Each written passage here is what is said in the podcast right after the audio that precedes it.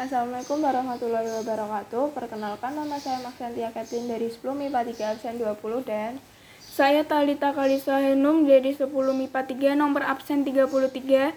Hari ini saya dan Kathleen ingin membacakan contoh teks negosiasi antara petugas lalu lintas dan pengendara.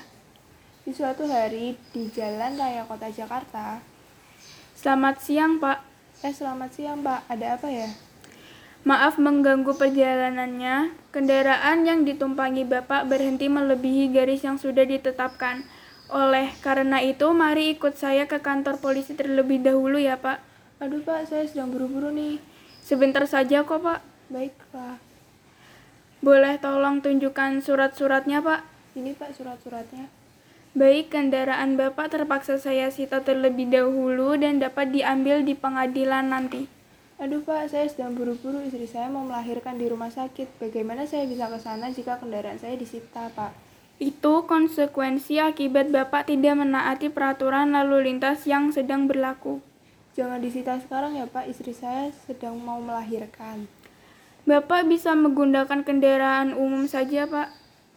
Susah nyetop kendaraan umum di sini.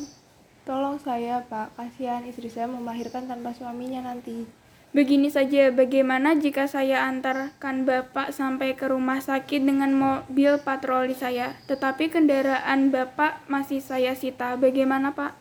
Baik Pak, tidak apa-apa. Yang penting saya sampai ke rumah sakit dengan cepat. Baiklah, mari, Pak. Terima kasih Pak. Sama-sama, Pak.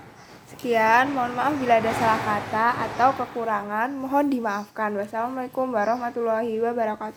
Dadah guys.